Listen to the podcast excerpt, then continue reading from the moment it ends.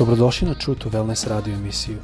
Da saznate više o nama, posjetite naš website truetowellness.com. A sad, vaš domaćin, dr. Todorović.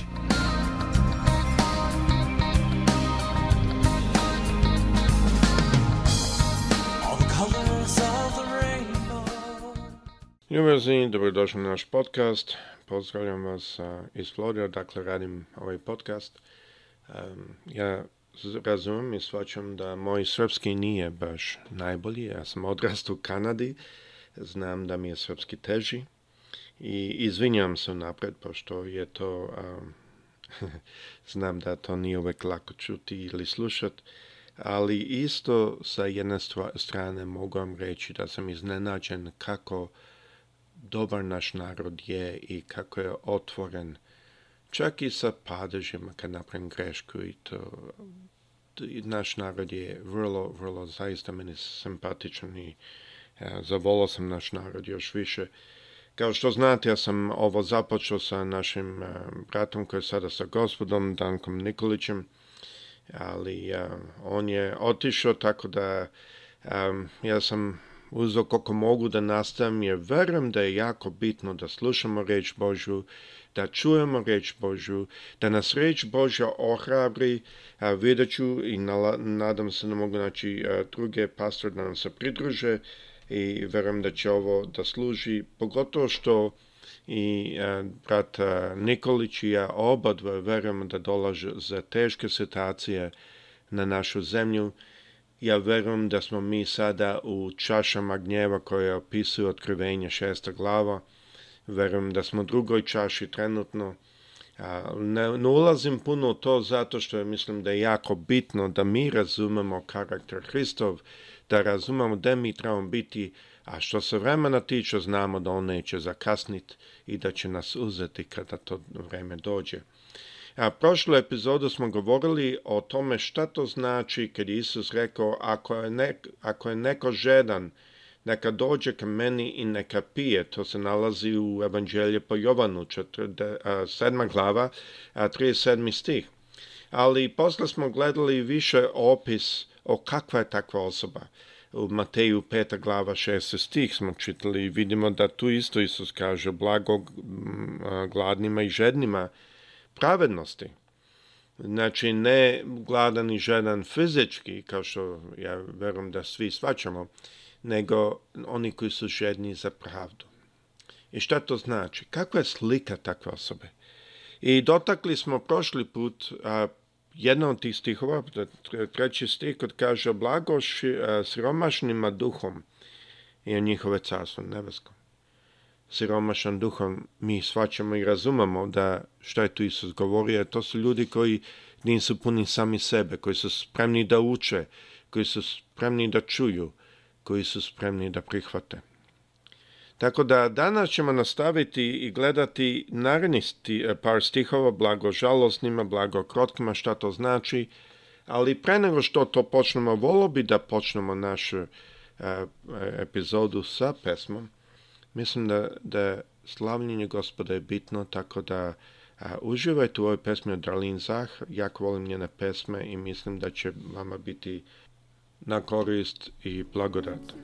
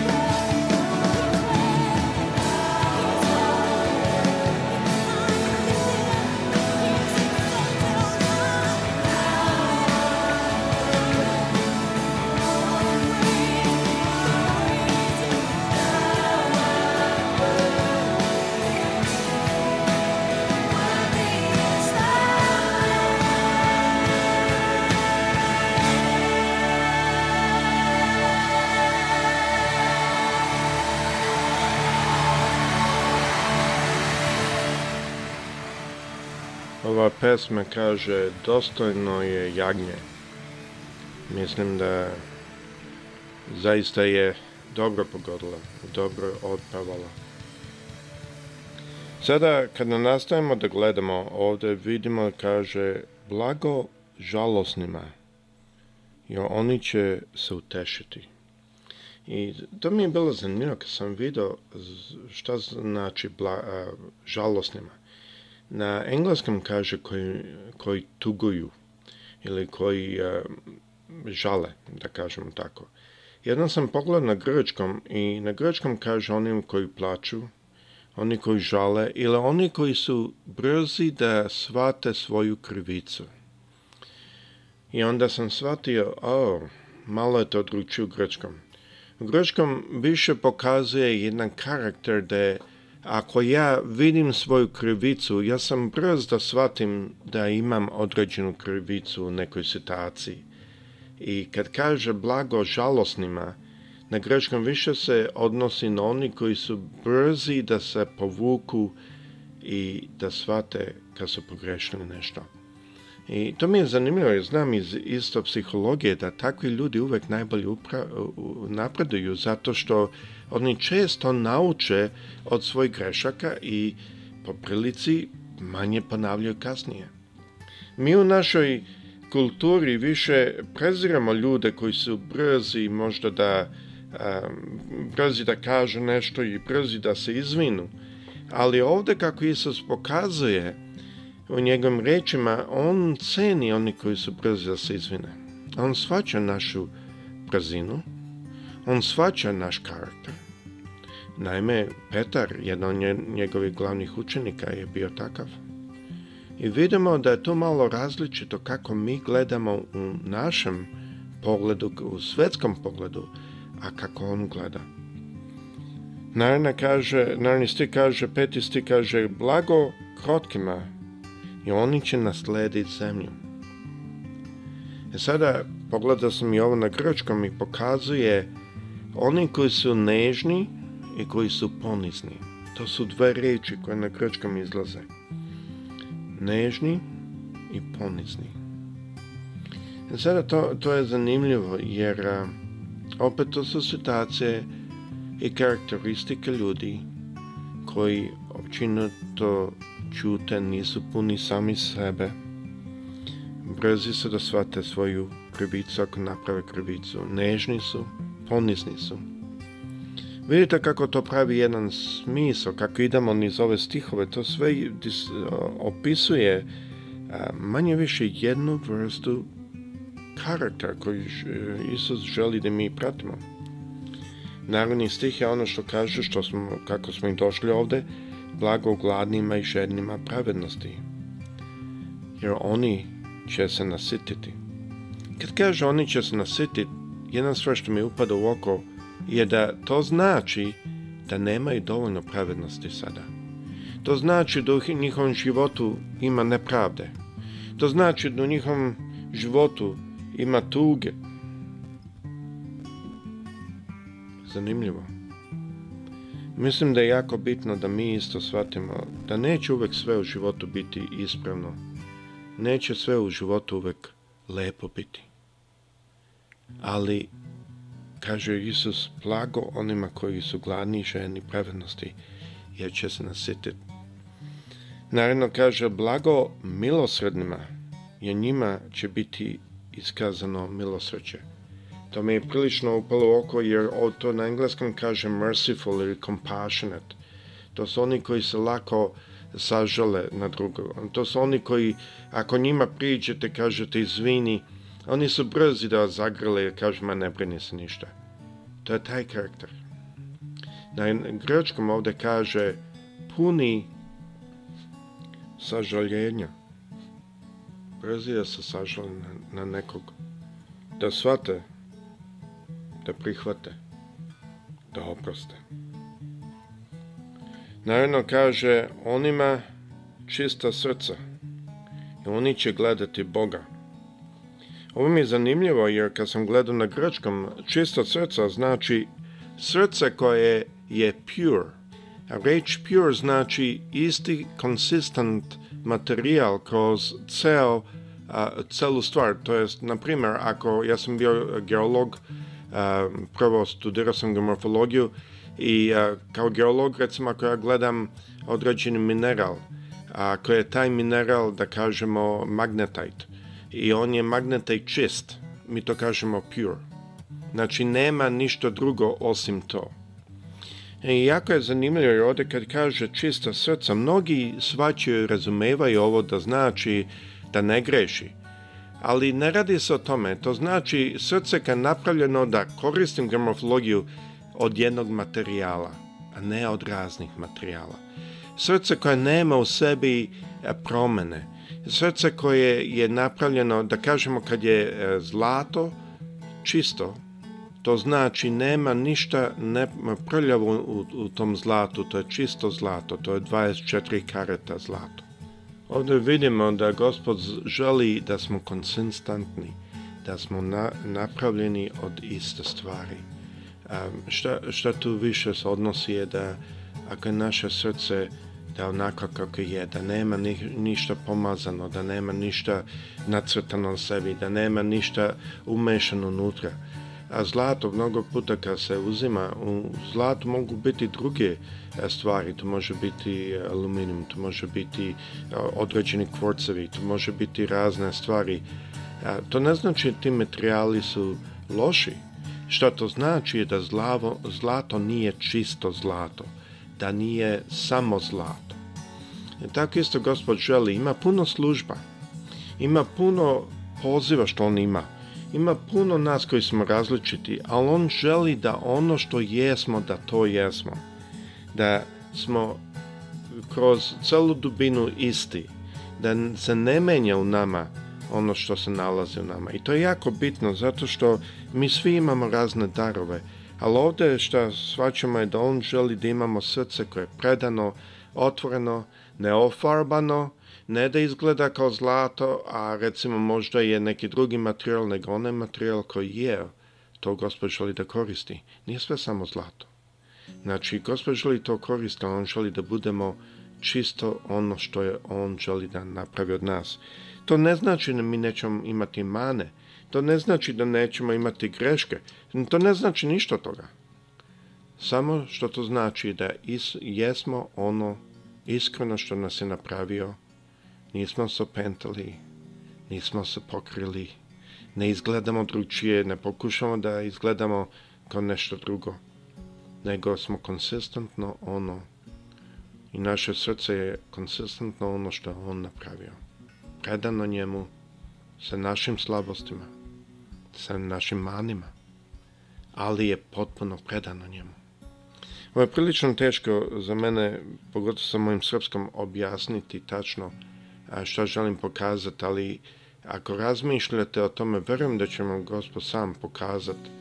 Ne radi se, kada kažeš čisto srce, ne radi se o tome da je moj život bez greške i bez mane, nego radi se o tome da moje srce je potpuno okrenuto ka njemu, sa svom željom, sa svom voljom, sa svom namerom iako ja ću i dalje imati mane.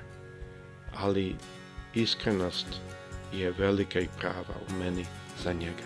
Ja se nadam da je to isto tako za sve nas. Jer to je značenje i zašto je Gospod to stavio ovdje na kraju, ovo je sada osmi stih. Zato što to uključuje sve ranije.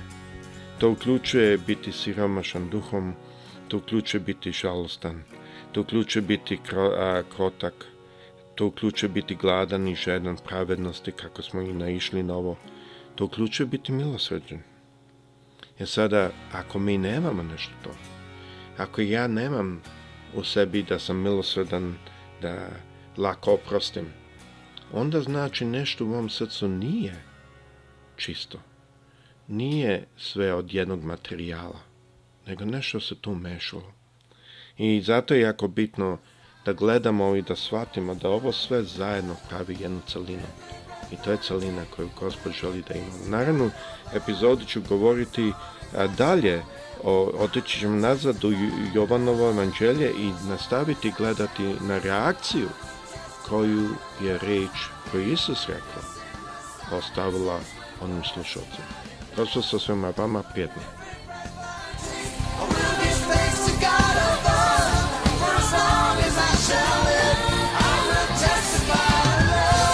Slušajte True Wellness radio emisiju. Pridružite nam se ponovo svaki utorak i subotu. Za kontakt molimo posjetiti naš website true Naša email adresa je info at